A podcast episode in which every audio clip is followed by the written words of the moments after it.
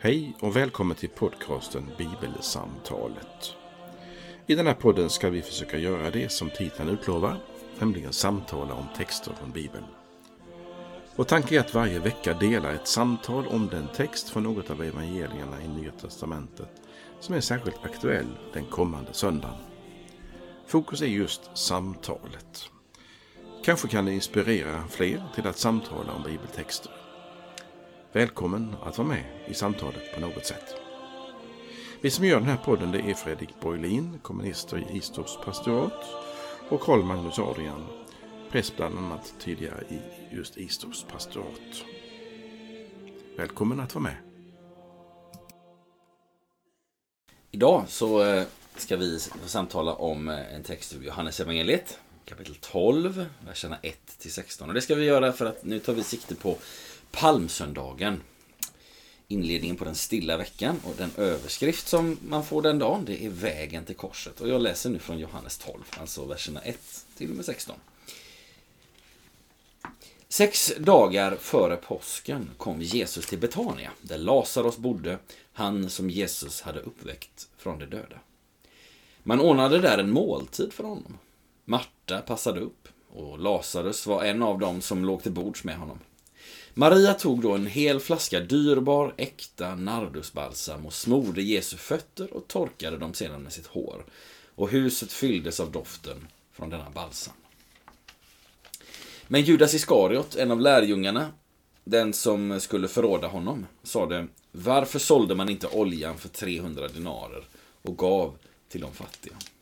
Detta sade han inte för att han brydde sig om de fattiga, utan för att han var en tjuv. Han hade hand om kassan och tog av det som lades dit. Men Jesus sade, låt henne vara. Hon har sparat sin balsam till min begravningsdag. De fattiga har ni alltid bland er, men mig har ni inte alltid. En stor mängd judar fick reda på att Jesus var där och de kom dit bara för, och de kom dit inte bara för hans skull, utan också för att få se Lazarus. Som han hade uppväckt från de döda. Översteprästerna bestämde sig då för att döda Lazarus också, eftersom så många judar för hans skull gick ifrån dem och trodde på Jesus. Nästa dag, när de många som hade kommit till högtiden fick höra att Jesus var på väg till Jerusalem, tog de palmkvistar och gick ut för att möta honom. Och de ropade Hosianna, välsignade han som kommer i Herrens namn, han som är Israels konung. Jesus fick tag i en åsna och satte sig på den. Som det står skrivet. Frukta inte, dotter Sion. Se din konung kommer sittande på en ung åsna. Lärjungarna förstod först inte detta. Men när Jesus hade förhärligats kom de ihåg att som det stod skrivet om honom, så hade man gjort med honom.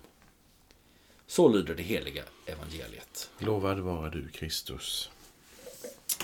Ja. Inleds den stilla veckan, eller den stora veckan. Eh, veckan då, inte allt, men mycket händer. Och jag tänkte att jag som en liten inledning, jag vill ge ett litet, försöka ge ett litet sammanhang, eller dela ett sammanhang som jag har uppfattat, skulle man kanske kunna säga.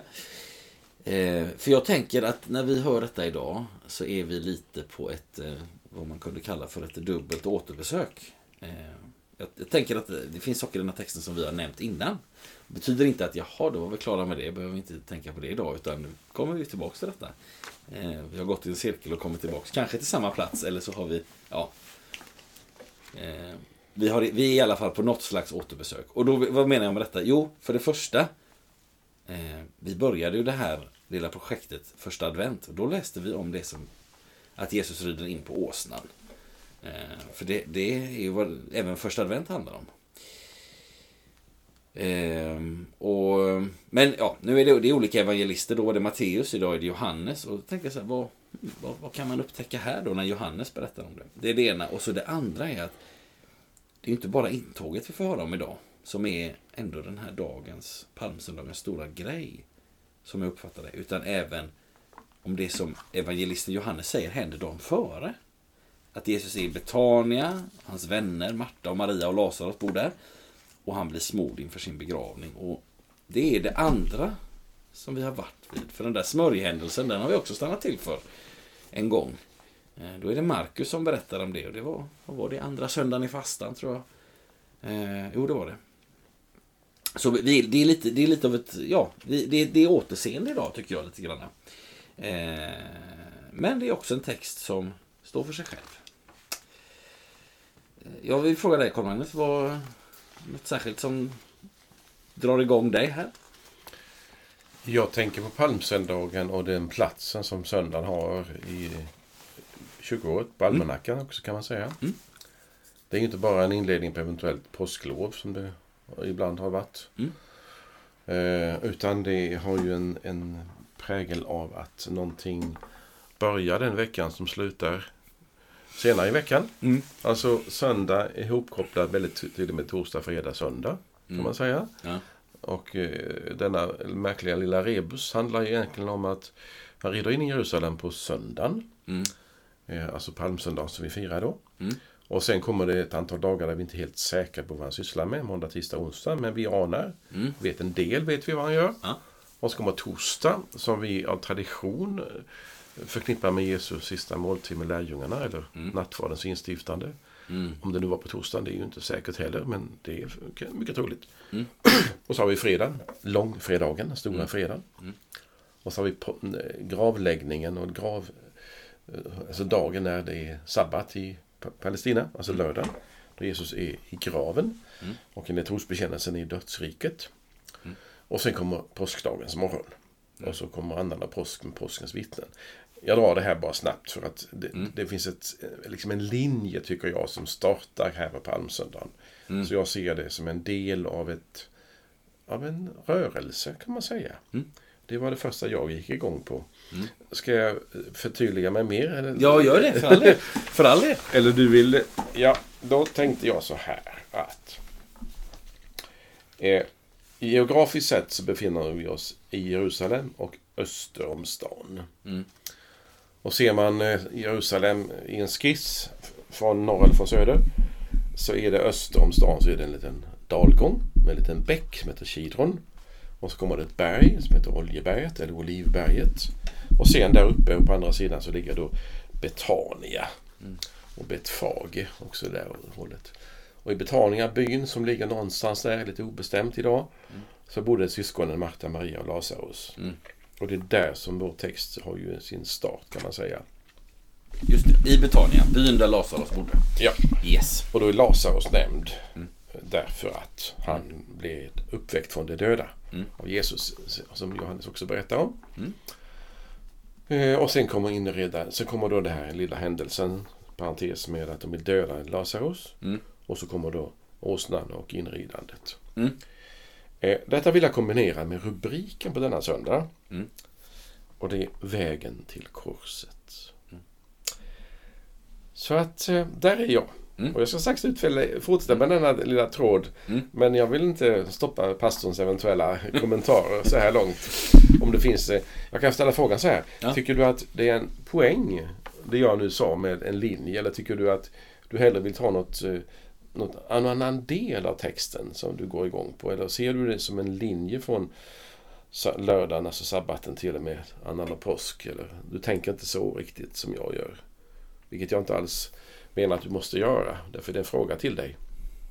Jo men, jo, men det är klart att det finns en, jag tycker att det finns en helhet för att eh, inte minst, jag kan tycka så här vad, det, det, tror jag att jag kanske har tagit upp någon gång innan. Det här att Jesus rider in i Jerusalem.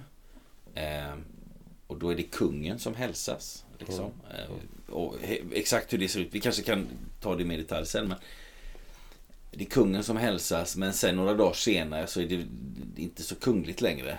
Nej. Utan då är det korset och sådär. Ja, och då tänker jag så att nej, men det är ju det är från våran horisont. Mm. Eller vi kan, vi kan tänka oss att nej men det var vilken härlig stämning där på palmsöndagen och folk ropar och mm. nu kommer kungen, mm. hej och, och, och, och sen några dagar senare så eh, så är det precis tvärtom. Det, är, det är korsfäst honom. Och det hänger samman, verkligen. Ja, ja precis. Ja. Och då tänker vi så här, oj, människan är så ombytlig eller vad det kan vara. Så här. Man tänker så här, Fast, eh, fast för Jesus står det fullständigt klart eh, vad han ska göra när han mm, rider in. Mm, mm. Eh, och, och, och, så att säga, Eh, och därför så tänker jag att nej, men allting kan inordnas på något sätt. Allting kan inordnas, kan man säga så? Ja, det kanske man kan. Alltså eftersom utifrån från, Jesu, det, det, det, kan ju tyckas som ja, men det är en vecka, full av, en vecka full av olika händelser. Men ja, men från Guds perspektiv, från Jesu perspektiv så är det en linje. Mm. Eh, att ja. det, finns en, det finns till exempel, låt mig tänka så här. Det finns en poäng att Jesus inte instiftar nattvarden när han kallar lärjungarna på stranden i Markus 1 och säger följ med mig och vi, vi ska bli mhm. människofiskare. Och här har vi måltiden ja, som ska vara ett sakrament. Alltså, ja, det är, det är gott alltså på något sätt ja, att det, det, det, ligger en linje. Kan vi göra så eftersom vi bägge två tänker också lite grann i linjesammanhang plus mm. att vi ändå med tanke på de två momenten som vi inte fördjupar oss i speciellt idag, som vi har gjort innan. Nej. Eller säga någonting om det eftersom det är en text vi går igenom. Ja. Så bara säga något jättekort som du kan komplettera. Ja. Alltså först bilden, eh, alltså händelsen mm. med Maria som med flaskan med äkta dyrbar balsam. Mm. Här är hon nämnd i namn. Vi vet vem, mm. exakt vem det är. Ja. Det är systern till Marta och Lazarus. Mm. Och hon smörjer Jesu fötter, torkar dem med sitt hår. Och Judas protesterar för att det är jättemycket pengar som bara hälls ut där till ingen mm. nytta. Mm. Kan man tycka. Och då eh, så han värnar de fattiga. Mm. Men kommenterar Johannes, han var en tjuv. Mm. Så därför så vill han ha så säga, pengarna själv. Mm. Alltså det är en, det är en han, han liksom, vad ska man säga? Han går i vägen för att Ma Maria vill ge det till Jesus mm. och Judas vill ta det istället. Mm. Judas går in så att säga och vill plocka åt sig den här mm. rikedomen i balsamen istället för att Jesus ska ha det. Mm. Och Jesus eh, har då detta ord som vi har lite kanske svårt att riktigt förstå. Det är alltså en, en smörjelse inför hans begravning. Mm. Jag kan bara säga mycket kort om det att vi vet senare att de kvinnorna, de är olika kvinnor som är nämnda vid namn, en del, efter Jesu begravning så hinner de inte med att smörja hans kropp som de hade tänkt. Och därför står det i vissa texter i evangelierna att de är på väg till graven på söndagen, det vi kallar för påskdagen. Mm. För att då har sabbaten slut och då får man mm. arbeta och göra och gå så länge man, långt man vill. Och då ska de liksom fullborda den här balsameringen. Ah, det är ingen mm. balsamering men de ska smörja liket med mm. olja. Så att det ska bli hedra hans, hans kropp vid mm. begravningen.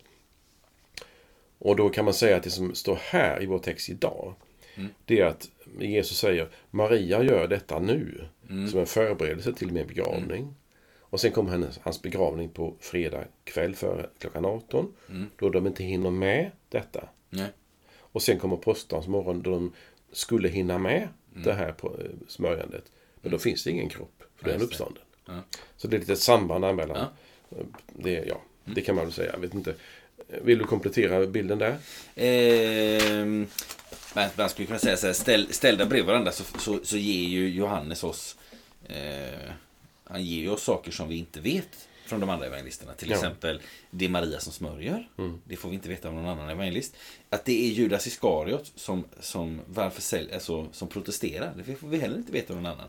Står inte det någon Nej, alltså Markus han säger så här. Det var några ah, som sa ja, hallå varför, var, var, det var några som Aha. protesterade. Och sen är Matteus lite mer konkret för han säger lärjungarna protesterade. Mm. Och, och Johannes är ännu mer konkret och säger det var Judas Iskariot. Och så lägger han också till då, han är 20 år.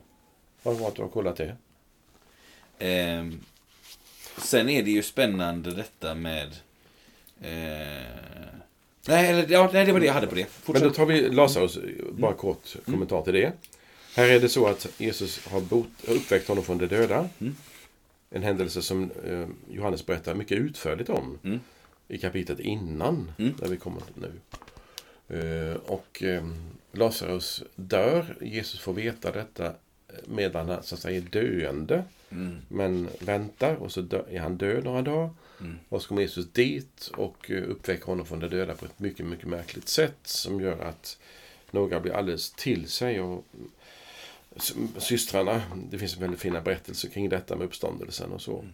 Medan Jesu fiender, mm. då blir mäkta irriterade eh, på Lazarus. För han är liksom en personlig symbol för att Jesus kan uppväcka döda. Mm. Och därför vill de liksom ha ihjäl honom också. Mm. För- Förutom Jesus också. Så eh, man kan säga att Lazarus är egentligen en symbol för motståndet mot Jesus Mm. hos vissa av de judiska grupperna. Det kan man väl säga. Det var den, den kommentaren jag hade. Och sen hade jag en kommentar som jag hade väntat mig att du skulle säga omedelbart när vi öppnade texten. Ja, vadå, vad var det då? Nämligen det att jag kan ställa det som en fråga till dig. Ja. Hur många kapitel finns det i Johannes evangeliet? Det finns 21 kapitel. Underbart. När börjar den sista, veckan i Jesu liv? Ja, Vilket den- kapitel? eh, Ja, alltså jag tänker att den börjar här i kapitel 12. Ja. Alltså 1 till och med 11, Mm. det är före palmsöndagen. Mm. Och palmsöndagen Mm. till och med påskdagen. Mm. Och någon vecka till. Mm. Det är alltså 12 till och med 21. Mm. Det är mycket märklig liksom, ska säga, disposition. Ja. Och därför så är det, är det mycket bra uttalande som ehm, min lärare sa i Lund att evangelierna är mer eller mindre passionshistorier med inledning. Just det. Det är mycket bra i- om Johannes. Mm. Det är en passionshistoria. Och då kan man lugnt säga att det är ingen bra biografi. Nej. För om 11 kapitel handlar om Jesu första år, eh, Mm. fram till och med han är Mm. 30-33 kanske. Mm. Eh, och de sista, ve- sista veckan drygt Mm. handlar från 12 till 21 så är det ju ingen, så skriver man inte en biografi. Nej. Alltså Johannes har ett annat syfte. Mm. Och det vet ju vi Ja. vilket syfte han har. Nämligen kapitel 20, vers 30-31. Mm. Där det står Eh, där det står det här har skrivits ner för att ni ska tro att, han, är Guds son. Eh, Och eh, genom att tro liv i hans namn. Ja. Ja.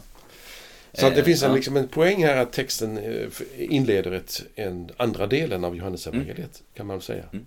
Sen har jag, när vi ändå nämner detta med dagar, om jag får haka i detta du säger, så är det intressant att här är det ju smörjandet och sen är det intåget. Mhm. Och jag, jag tänker att det, eh, jag tänker att det, det, det gör att Johannes lägger samman de här båda tycker jag och att Jesus talar också om det här smörjandet som att det är inför min begravning. Mm. Eh, Det gör också någonting med själva intåget tycker jag. Ehm, hur han berättar om det. Eller när man liksom läser det med vad man tidigare har hört. Liksom. Eh, men är det inte så att de andra evangelisterna säger att nej men det här skedde efter intåget? Ja, är det inte så? Jag är liksom, eh, att det är först är det intåget och sen någon av de här dagarna som, som du lite sa innan det här. Vi vet inte så mycket vad som händer måndag till onsdag. Eh, att det då är något som, alltså att där har vi Men vi har, ja, förlåt, vi har ju upptäckt tidigare att det finns en jag dispositionsfrihet hos Ja. evangelisterna. Mm. Och de är inte alls generade för det. Nej, nej absolut inte. Så det är ju inga Nej. problem. Det är ju möjligen eh, någon petimeter Mm. Av västerlandets teologer som, som tittar, haha, så här kan det inte ha gått till. Mm. Och då förstår man att det är ingen biografi. Nej. Men det är en trovärdig berättelse om Jesu liv Mm. och vad som är poängen med hans liv. Mm. Och död uppståndelse. Mm. Så, ska vi, ska vi ta vägen till korset nu med utgångspunkt ifrån vad som händer på palmsöndagen? Det skulle vi kunna göra. Jag vill, jag vill bara sätta, jag vill sätta fingret på en sak Ja. som jag tycker är rolig. Och det är ju den här åsnan då. Ja, men då är vi där. Ja, är det okej att vi tar, jag vill bara säga något om den. Och sen går vi över till Ja, men vi har, vi, vi har, Vi har vi har väl ingen tolkningsföreträdare? Nej, nej det har du absolut inte. Men jag vet att du hade, jag hade eh, så här. Du, jag vet att du hade en grej på gång. Men eh, jag tänker, jag vill bara säga något om den här, eller jag har tänkt på detta med åsnan. För jag tycker det är roligt. Att de andra tre evangelisterna eh, gör ju en, alltså där är det ju ganska många ord om den här åsnan. Och när vi pratade om den här åsnan förra gången så, så pratade vi stannade, vi stannade vid det här att det är en oprövad åsna och sådär. Och det är inte, det är inte osant på något sätt. Att, eh, men eh, det här är de andra evangelierna när Jesus talar om att liksom gå bort till byn där framme och där hittar ni en åsna och den står bunden. Och om någon säger någonting, ja, då ska ni säga Herren behöver den men han ska strax lämna tillbaka den och sådär. I något av evangelierna så är det till och med så att det återberättas att någon faktiskt också frågar Va? Vad gör ni? Tar ni åsnan? Och, sådär. Eh, och här så tycker jag det är lite roligt för, för Johannes bara skriver så här. Folket ropar hos Janna, välsignade han som kommer i Herrens namn, han som är Israels konung. Jesus fick tag i en åsna och satte sig på den. Som det står skrivet, frukta inte låt oss säga. Och så var det inte så mycket mer med det. Och det är också, jag tycker det, det är också så här, ja det, det var, det var ingenting som, och de kan tänka så här. Jag tror inte att det har att göra med att, att Johannes inte... För han, han, han kopplar ändå detta till Sakarja-profetian är det väl va? Eh, Sakarja 9, ja. Ehm, men han vet att de andra evangelisterna har berättat detta, tänker jag. Han har, han har koll på det. Han vet. Jag behöver inte, jag behöver inte ta detta också. Men nej, men det, det upptäcker vi ju oavsett eh, hur mycket vi har studerat teologi så upptäcker vi att han måste ha förutsatt en massa. Mm. Och han måste ju själv ha vetat en massa saker kring. medan lärjungarna hade ju också egna lärjungar. Mm. Som ju, där, de, där de odlade sina berättelser naturligtvis om Jesus. Mm. Så det är ju bekant. Och den första kyrkan där Johannes är en del på något sätt är ju bekanta med Jesus händelsen, Jesus berättelsen. Eh, sen vet vi inte exakt just församlingen där och där, hur mycket kände de till? Alltså vilka församlingar till exempel hade kontakt med Matteusevangeliet? Vilka kände till Markusevangeliet? Mm. Det här vet vi väldigt lite om. Eh, åtminstone vet jag väldigt lite om det. Mm. Så kan jag säga. Eh, och det betyder att, att vi gör inga växlar av det utan att den första kyrkan eh, till och med Johannesevangeliet som ju eh, bör vara ganska sent tillkommet, tror vi ju. Ja, har ju kunskap om Jesus och hans liv och död och Mm. uppståndelse. Så det är ju ingen konstighet alls med det. Mm. Och det är ju samma sak med om du och jag skulle inför exakt samma auditorium predika hålla ett föredrag om samma tema. Mm. Vilket vore konstigt ju. Mm. Så skulle vi naturligtvis säga olika saker. Mm. Det är ju ganska givet. Ja. Så det, det kan vi ju lugnt. Mm. Men det är kul att du nämner den här korta meningen Jesus fick tag i en åsna. Ja. Och så lägger de andra evangelisterna många verser på det. ja, det gör de verkligen. Ja, ja. Eh, och ja. Nej, och jag tänker så här. Det är också intressant att de här båda sakerna som vi har liksom, om vi har tänkt på två spår i texten så här långt. Eh, smörjandet och intåget. där Johannes berättar lite annorlunda. Så tycker jag som jag sa innan också, jag tycker att det gör någonting med intåget. Att smörjandet och, och, och framförallt Jesu liksom, vad ska vi säga, uttydning av smörjandet. Att det här är hans begravningssmörjelse. Det gör någonting med inbjudandet. Alltså, folket säger, eh, alltså, konungen kommer ridande. Sakarja profetia, se din konung kommer. Och, och folket ropar till och med, han som är Israels konung. Ja. Så det är ett kungligt motiv på samma gång. Konungen som kommer ridande mot sitt lidande och mot sin död. Ja. Eh, för det har han sagt alldeles dagen innan. Men då tar jag lite snabbt. Förlåt, nej. Ja, nej, och det var det jag, jag, jag, jag, jag, jag liksom, jag, jag, lite grann, jag vet inte om, man ska, om det är ett för stort ord, men jag, jag drabbades lite av det. Jag har inte tänkt på att, att de här båda händelserna var så nära varandra, att vi läser dem tillsammans. Det gör ju verkligen något med inridandet. Ja, det var, jag, jag, jag drabbades lite av det när jag läste Vad det. roligt att du drabbas. Ja. Jo, eh, jag gör så här att jag tar lite snabbt med eh, lördag till och med framåt i veckan. Gärna. Och så kan vi ta, om du tycker det är okej, det här med alltså, vägen till korset. Mm. Ehm, och jag skulle vilja också, möjligen om vi hinner, nämna någonting om episteltexten som Mm. ju hjälper oss också att förstå vad är, vad är det som händer i det som händer. Mm. Kan man säga så? Mm. Och då har vi dels ett yttre skeende. Mm. Och det stannar vi just nu strax. Och sen har vi då en förståelse, vad är det som händer i detta yttre skeendet som vi är med om. Mm. Eh, På lördag är han alltså i Betania, då är det sabbat. Eh, Synagogsgudstjänst, han är säkert där i synagogan. Mm. Ihop med familjen, eller med syskonen naturligtvis. Och så är det också, som man vet i alla fall, att det är en pilgrimsvandringsväg som går förbi Betanien mot Jerusalem. Så att han, det är en, en station, har jag förstått, innan man kommer fram till Jerusalem för pilgrimerna. Och det är ju en stor högtid på väg. Det är ju några dagar kvar till påsken. Alltså den judiska påsken. Eh, och då är det säkert en rörelse av folk som passerar från ökentrakterna öster om, förbi Betania och så mot eh, över kullen, Olivberget och så ner i Kidrondalen och så till stan då som ligger där framme. Och eh, där smörjer Maria med olja. Och Jesus säger offentligt här igen om sitt lidande. Som evangelisten berättar att han många gånger har nämnt. Och nu kommer det väldigt, väldigt tydligt igen. Att det är en beredelse för min begravning. Och då är vägen så att säga över krönet från Betania ner mot Kidrondalen och stan. Det, det är som, som då sker på, eh, på söndagen. Det vill säga den första dagen i veckan för dem. Mm. Eh, Då är det ett uppbrott från Betania. Eh, säkert med andra pilgrimer på väg mot Jerusalem. Och där finns, tror jag när du tänker på Sakarja, Mm. eh, så finns där en eh, förväntan på att nu ska Herren befria Jerusalem. Både från den yttre fienden romarriket Mm. och upprätta det sanna Israel, alltså det renade Israel. Det som, som fariséerna också är måna om att gestalta i sitt Mm. liv. Eh, och där eh, blir det tydligt i inridandet, som du sa med åsnan sen, att Messias är på väg Mm. in i Jerusalem. Och ja, det som är min lilla poäng så här långt, jag ska strax pausa så kan du hoppa in. Mm. Det är att när de har lämnat Betania på söndagen, morgonen, så är det en förväntan att vi är på väg mot Jerusalem på vår pilgrimsvandring. Vi är på väg eh, genom, eh, fram, framåt påsken och det är Exodus, det är befrielsehögtiden. Mm. Då när Gud befriar Israel från, från Egypten, fångenskapen, och för dem till Kanans land. Mm. Alltså det ligger en förväntan också i, i, i pilgrimsvandringsgruppen. Och Jesus är med där. Mm. Eh, och då är det eh, märkligt att han just innan har sagt om sitt lidande och död. Mm. Den, det krockar med det som ligger i pilgrimsvandringstemat kan man säga. Eller samtalet kan man gissa för pilgrimerna på väg mot Jerusalem. Nu kommer den stora påsken, vi ska fira uttåget ur Egypten. Och, och tänk om det är nu som Gud ska upprätta Israel igen. Ett nytt uttåg ur Egypten, bildligt talat, alltså befrielse från, från romarriket.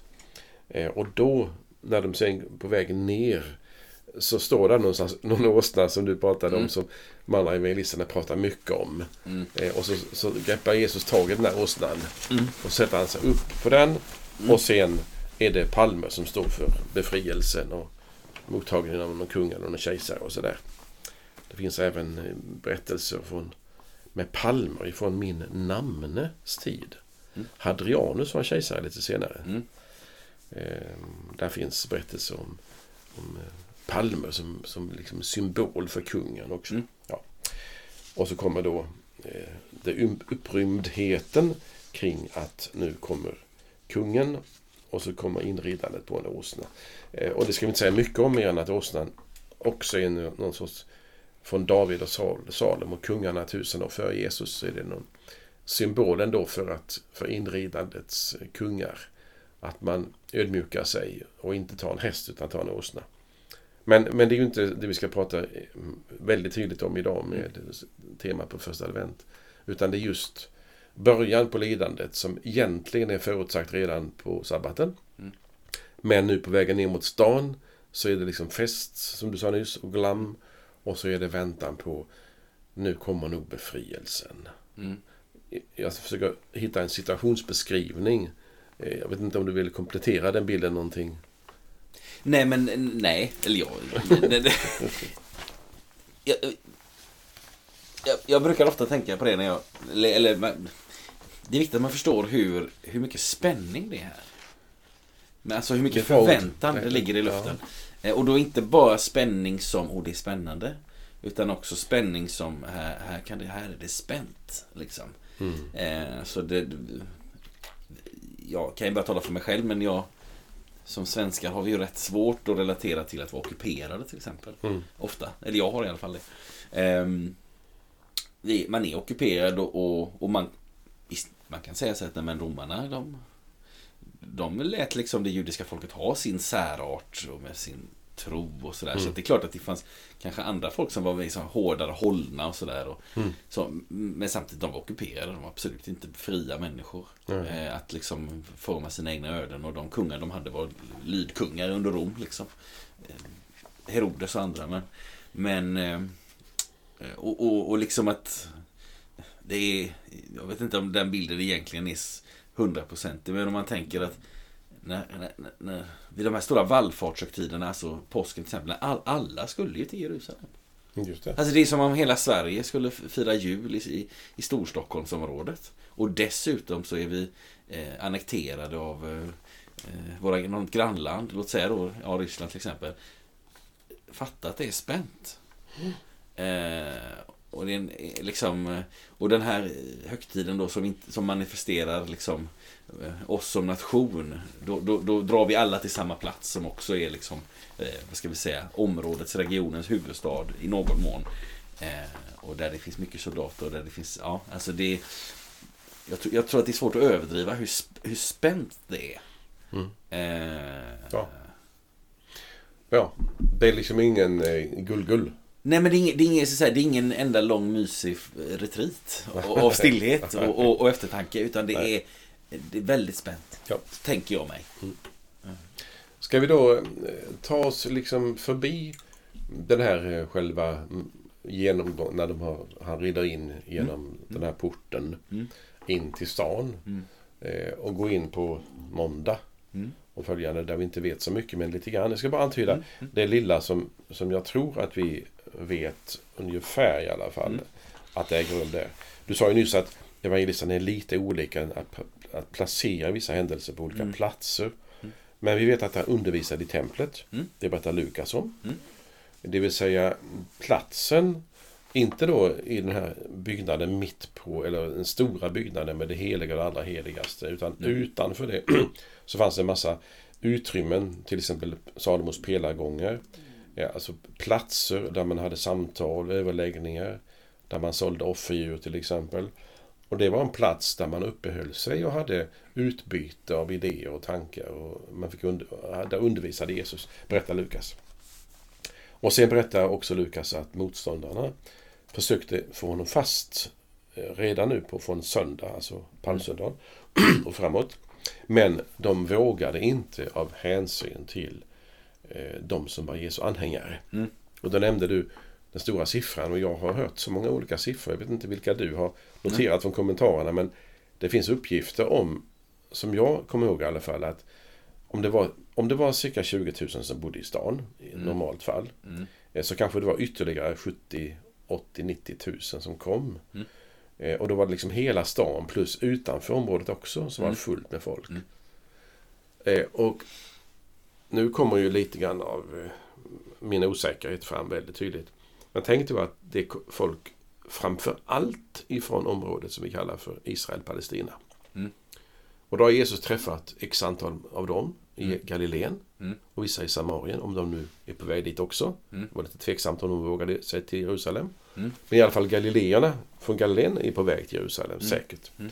Plus, som vi vet från pingstdagen, att även andra som inte bodde i själva Palestina. Just det, från alla nämner- länder under Ja. Så det kanske var judar från olika delar som kom dit Mm. för påsk och pingst. Det kan hända. Och då har Jesus, Jesus i alla fall så mycket anhängare Mm. Så att de som vi kallar för Jesu fiender, alltså motståndarna, Mm. som speciellt är vissa grupper av teologer kan vi säga, Mm. eh, de eh, inser att Jesus är alltför populär. Mm. Alltså det är en risk. Nu är det risk för att det händer någonting. Eh, Och därför måste man verkligen vara smart när man ska gripa honom. Mm. Det tycks vara så att alltså från och med söndag till och med torsdag ungefär så är det en diskussion. Hur ska vi ta, ta Jesus? Och det har jag lite synpunkter senare för jag har lite Mm. kommentarer som jag Mm. har grundat på i år. Förra året av någon viss anledning. Det ska Mm. jag återkomma till. Mm. Men eh, jag tar det nu bara i snabbt skeende att, att Mm. från och med måndag, torsdag så är det detta som händer. Och Kajafas är aktiv i det här också. Just det, översteprästen. Ja. Och Judas eh, håller på att på, på förbereda någon, någon sorts eh, händelse så där han ska namn, ange Jesus för, för, Mm. för motståndarna. Men jag kan pausa där ett tag. Mm. Vill du hoppa in i någon tråd kring detta? Jag tänker på det här med, eh, med som vi var på förut, med linjen. Vi sa till exempel så här att, eller vi sa, jag sa så här, det finns en poäng att nattvarden kommer då. Mm. Och sen så, då kan man tänka så här, men de här diskussionerna då med som Jesus har med, alltså folk kommer dit och, och eh, hans motståndare, de försöker liksom snärja honom med olika frågor och få fast honom Mm. på olika sätt. Och de vill få honom på något sätt att försäga sig och, Och de gillrar en del kluriga fällor. Så, han, säger han A, så här, de kommer till honom och så frågar de typ Vad säger du om detta? A eller B? Och säger de A så kör han ena diket så säger han B. Precis. Så kör han i andra diket men då säger Jesus C ungefär. Alltså, Ja, det skattekejsaren. var bra sammanfattat. Eh, men då kan man tänka så här, om vi nu, om vi nu utgår från att eh, men vissa saker som händer den sista veckan då, till exempel nattvardens instiftande, det, det sker det sker liksom sista veckan för att tiden är mogen för det. Mm. Kan man tänka. Det var den inte första gången Jesus kallade sina lärjungar. Eh, Då kan man tänka så här, samtalsämnena under den här veckan. Mm. Får vi tänka, de dikteras ju delvis av att folk kommer till Jesus med frågor. Hur är det nu med uppståndelsen? Hur är det nu med det och det? Men man kan ju fundera på hur mycket eh, undervisa... För, eh, en del saker, där håller ju Jesus själv i taktpinnen. Finns det en anledning, tror du, till att vissa ämnen kommer först den här den sista veckan i Jesu liv? Eller är det bara, nej men jag, jag, jag undervisar om sånt som jag har undervisat om tidigare under mina år när jag har vandrat omkring här i, i Palestina, Israel. Eller, eller så att säga, finns det vissa ämnen, vissa delar av det kristna budskapet eller vissa, vissa delar av Jesu undervisning som liksom, nu är tiden mogen för Jesus att tala om detta. Min, min enda kommentar, det här är ju spontant, det är ju hos Matteus. Där han i kapitel 24 och 25 eh, undervisar, där Jesus undervisar om den yttersta tiden. Mm. Alltså världens undergång i princip, eller Jesu återkomst, eh, bekymmer som kommer framåt Mm. och, och eh, det fina med Guds rike som ska bli manifesteras i kraft och så. Mm. Det kommer i Matteus har, kommer, har, har lagt allt det Mm. precis före gripandet, före intåget i Jerusalem. Alltså. Mm. Så att det är säkert så. Sen är det nog skönt att vi inte gör någon teologi av resten av din fråga. Nej. Alltså svaret. Därför att vi vet inte om man följer slaviskt ett, en, ett skeende, alltså dateringsmässigt. Eller om man komponerar det utifrån eh, nu, är det, nu talar vi, tar vi upp allt om den yttersta tiden till exempel. Mm. Så att jag vill inte spekulera mer om det. Nej. Därför att då går jag innanför ett område där jag inte vet alls hur evangelisten har tänkt. Nej. Om det är Nej, okej. Absolut. Och som, då skulle jag vilja möta, eller jag, då vill jag säga att det håller jag med om. Jag tänker att Matteus väl till exempel, han har ju ett antal tal som Jesus håller. Eh, ska vi inte gå in på, eller nej, nej, nej, nu är det för många. Men jag tänker på ett, jag tänker på en formulering i Markusevangeliet, tror jag det är. Och där det står så här. Från den tiden började Jesus tala om sitt lidande och sin Ah, död. Och då tänker jag så här. Då betyder nog det någonting att Jesus har vid en viss tidpunkt börjat tala om sitt lidande och sin Ja. död. Liksom. Och det, det är ju så att säga, uppfattar jag, en konsekvens av att Petrus har sagt du är Messias. Liksom. Mm. Det är vad vi tror. Eh, Men i övrigt så får vi inga sådana markeringar. Nej. Det är inte så här, men det tredje året började Jesus tala om de här sakerna. Nej. Och, nästa år så var det så. Utan, nej, och, och det, precis. Så att, eh, men vi ska inte spekulera i det. Men oavsett hur mycket vi kan svara på din fråga. Mm. Så kan man säga att de är ju inte ens beredda på det som ska ske på torsdagen. Nej. I stilla veckan. Alltså de är ju inte beredda fast de borde veta. Mm. Det har vi talat om innan så det kan, tycker jag vi kan släppa. Eh, Jag vill säga någonting om det här med händelsen eh, söndag, torsdag. Mm. Men inte kommentera det här med nattvarden. Nej. Och det är att när du sa det här med oron och att du hade ett fint ord också, att det var spänn... Nej, Spänt. ja, just det. Även den veckan. För när, när då dessa av Jesu motståndare, det är ju en, en grupp inom Stora rådet. Alltså en motsvarande, ja, något sorts domkapitel, regering, kan man säga, som hade visst ansvar eh, som romarna tillät att de har. Och så tillät de också eh, Kajafas att vara överstepräst. Eh, Men han hade ju så att säga, mandat eh, från romarriket egentligen att utöva sitt ämbete. Hade de dragit tillbaka hans mandat så hade han inte haft en chans. Så de hade ju en viss självständighet. En viss självständighet. Och där försöker de ju hitta. Och då är det ju uppenbart så att de, de vill använda Judas för att liksom leta upp Jesus. Mm. Och det intressanta i några evangelierna är att de vet inte i stilla veckan, alltså Jesu motståndare, var Jesus bor. Mm. Eh, utan de vill använda Judas för att hitta dit till honom. så att säga, efter det blivit mörkt. Så att inte folk ser att de ska tag i Jesus. Och det, det, det förstår vi senare när, när Jesus verkligen grips i att se man så är det ju tydligen kväll. Mm. Eh, Väl. Eh, Ja, det är det ju. Och då, då är Jesus... eh, Då, då blir det liksom ingen folkstormning kring detta, eller stockning kring Jesus. För att då, då vet inte vad det handlar om.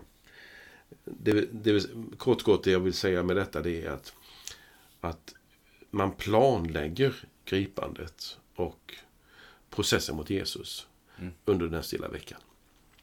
Eh, och det är det som är ju utmärkande för vad Jesu vänner sysslar, äh, Jesu fiender sysslar med. Och Judas är, har nog några besök hos, hos Kajafas, Mm. ordföranden där, eh, för att tydliggöra sin, sitt uppsåt. Och uppsåtet som Judas har, det vet vi inte säkert, så det, det släpper vi nu. Mm. Om han verkligen vill Jesus illa, eller han vill påskynda att Jesus ska bli någon sorts regent i Jerusalem. Mm. Motivet från, hos honom vet vi inte, men Jesus är väldigt tydlig med att det är fienden, Satan, som, som Mm. griper tag i hela. Mm. Eh, Som min slutkommentar från min sida, om Mm. inte du har något annat på, på hjärtat, är ju att möjligen knipa ihop detta knyta ihop detta kring temat vägen till korset Mm. och se hur Paulus tar upp det här. Och då ska jag inte läsa texten. Nej. Det är episteltexten alltså. Filippa brev 2. Mm. Men, där står det. Han ägde, alltså Jesus, Guds gestalt, men vakade inte över sin jämlikhet med Gud, utan avstod från allt och antog en tjänares gestalt då han blev som en av oss. När han till det yttre hade blivit människa gjorde han sig ödmjuk och var lydig ända till döden, döden på ett kors. De här meningarna, det är ju en sammanfattning om så att säga, slutpunkten av ett, medvetet liv från Jesus sida. Där han förbereder lärjungarna på att han ska lida och dö. Mm. Och Paulus säger att han lämnar sin höghet. Alltså han, han frivilligt avstår från all makt i himlen och på jorden. Mm. Han avstår för att bli människa och för att bli tjänare och ödmjuk. Och bära världens nöd och världens synd Mm. på sig. Och det är detta som är vägen till korset.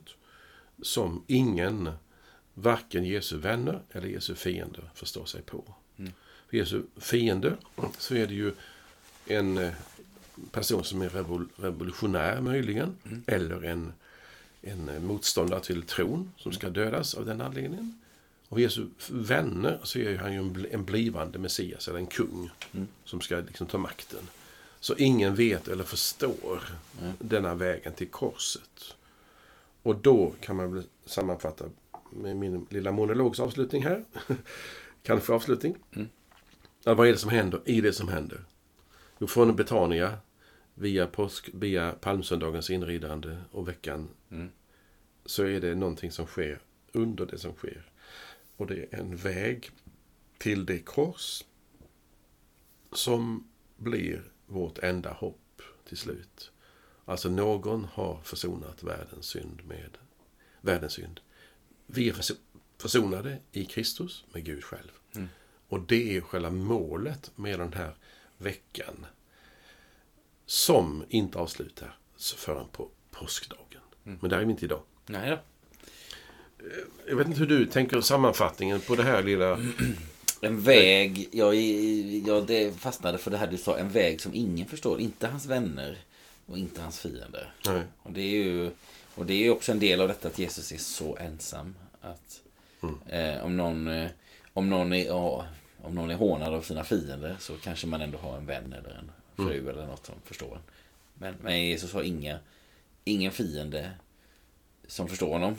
Utan de, det, för då hade de inte varit hans fiender. Eh, men han har heller ingen vän som djupast förstår honom. Och, och eh, det kommer det ju hända saker som, för nu kommer vi ju liksom in, nästa gång vi kommer samman är det ju inför påskdagen och då är det ju liksom något helt annat. Ja. Men, men det som också kommer att hända natten till långfredagen det är ju att eh, Petrus till exempel också mycket fysiskt också överger Jesus. Mm. Trots höga utfästelser och sådär. Så, att, eh, men en, en, sak som, som jag, en sak som är också väldigt fin, som Johannes eh, lyfter fram, det är ju detta att han säger ju, det var ju det allra sista vi läste i evangeliet idag. Eh, nu står det ju så här. Lärjungarna förstod först inte detta. Men när Jesus hade förhärligats kom de ihåg att som det står skrivet om honom så hade man gjort om honom. Det är möjligt att Johannes, när han skriver det, har han pratat om den här åsnan som Jesus bara fick tag på innan. Och man kan tänka sig att nej, men det, Johannes skulle ju kunna mena att nej, men, eh, lärjungarna de förstod inte detta med åsnan. Och, och, sen när Jesus hade förhärligats, då kom de på just det, Sakarja 9. Men det som Johannes skriver här kan ju också vara en sammanfattning för precis allting. I en hel veckas tid framöver. Eh, lärjungarna förstod först inte detta. Men när Jesus hade förhärligats kom de ihåg att som det stod skrivet om honom, så hade man gjort om med honom. Ja. Alltså poletten har inte fallit ner. Nej, Och den faller ner så småningom. Mm. Och det är också trons liv för oss att Mm. vi fattar väldigt lite. Och, och vi måste inte fatta allt heller. Nej. Men någonting får vi till oss och ibland så inser vi oj, oj. Mm. Och då är vi tacksamma. vi har fått ordet som en gåva och vi har fått varandra som gåva också. Att samtala och sådär. Bryta tankar och sådär. Eh, och nu ska vi gå in för landning för detta avsnittet.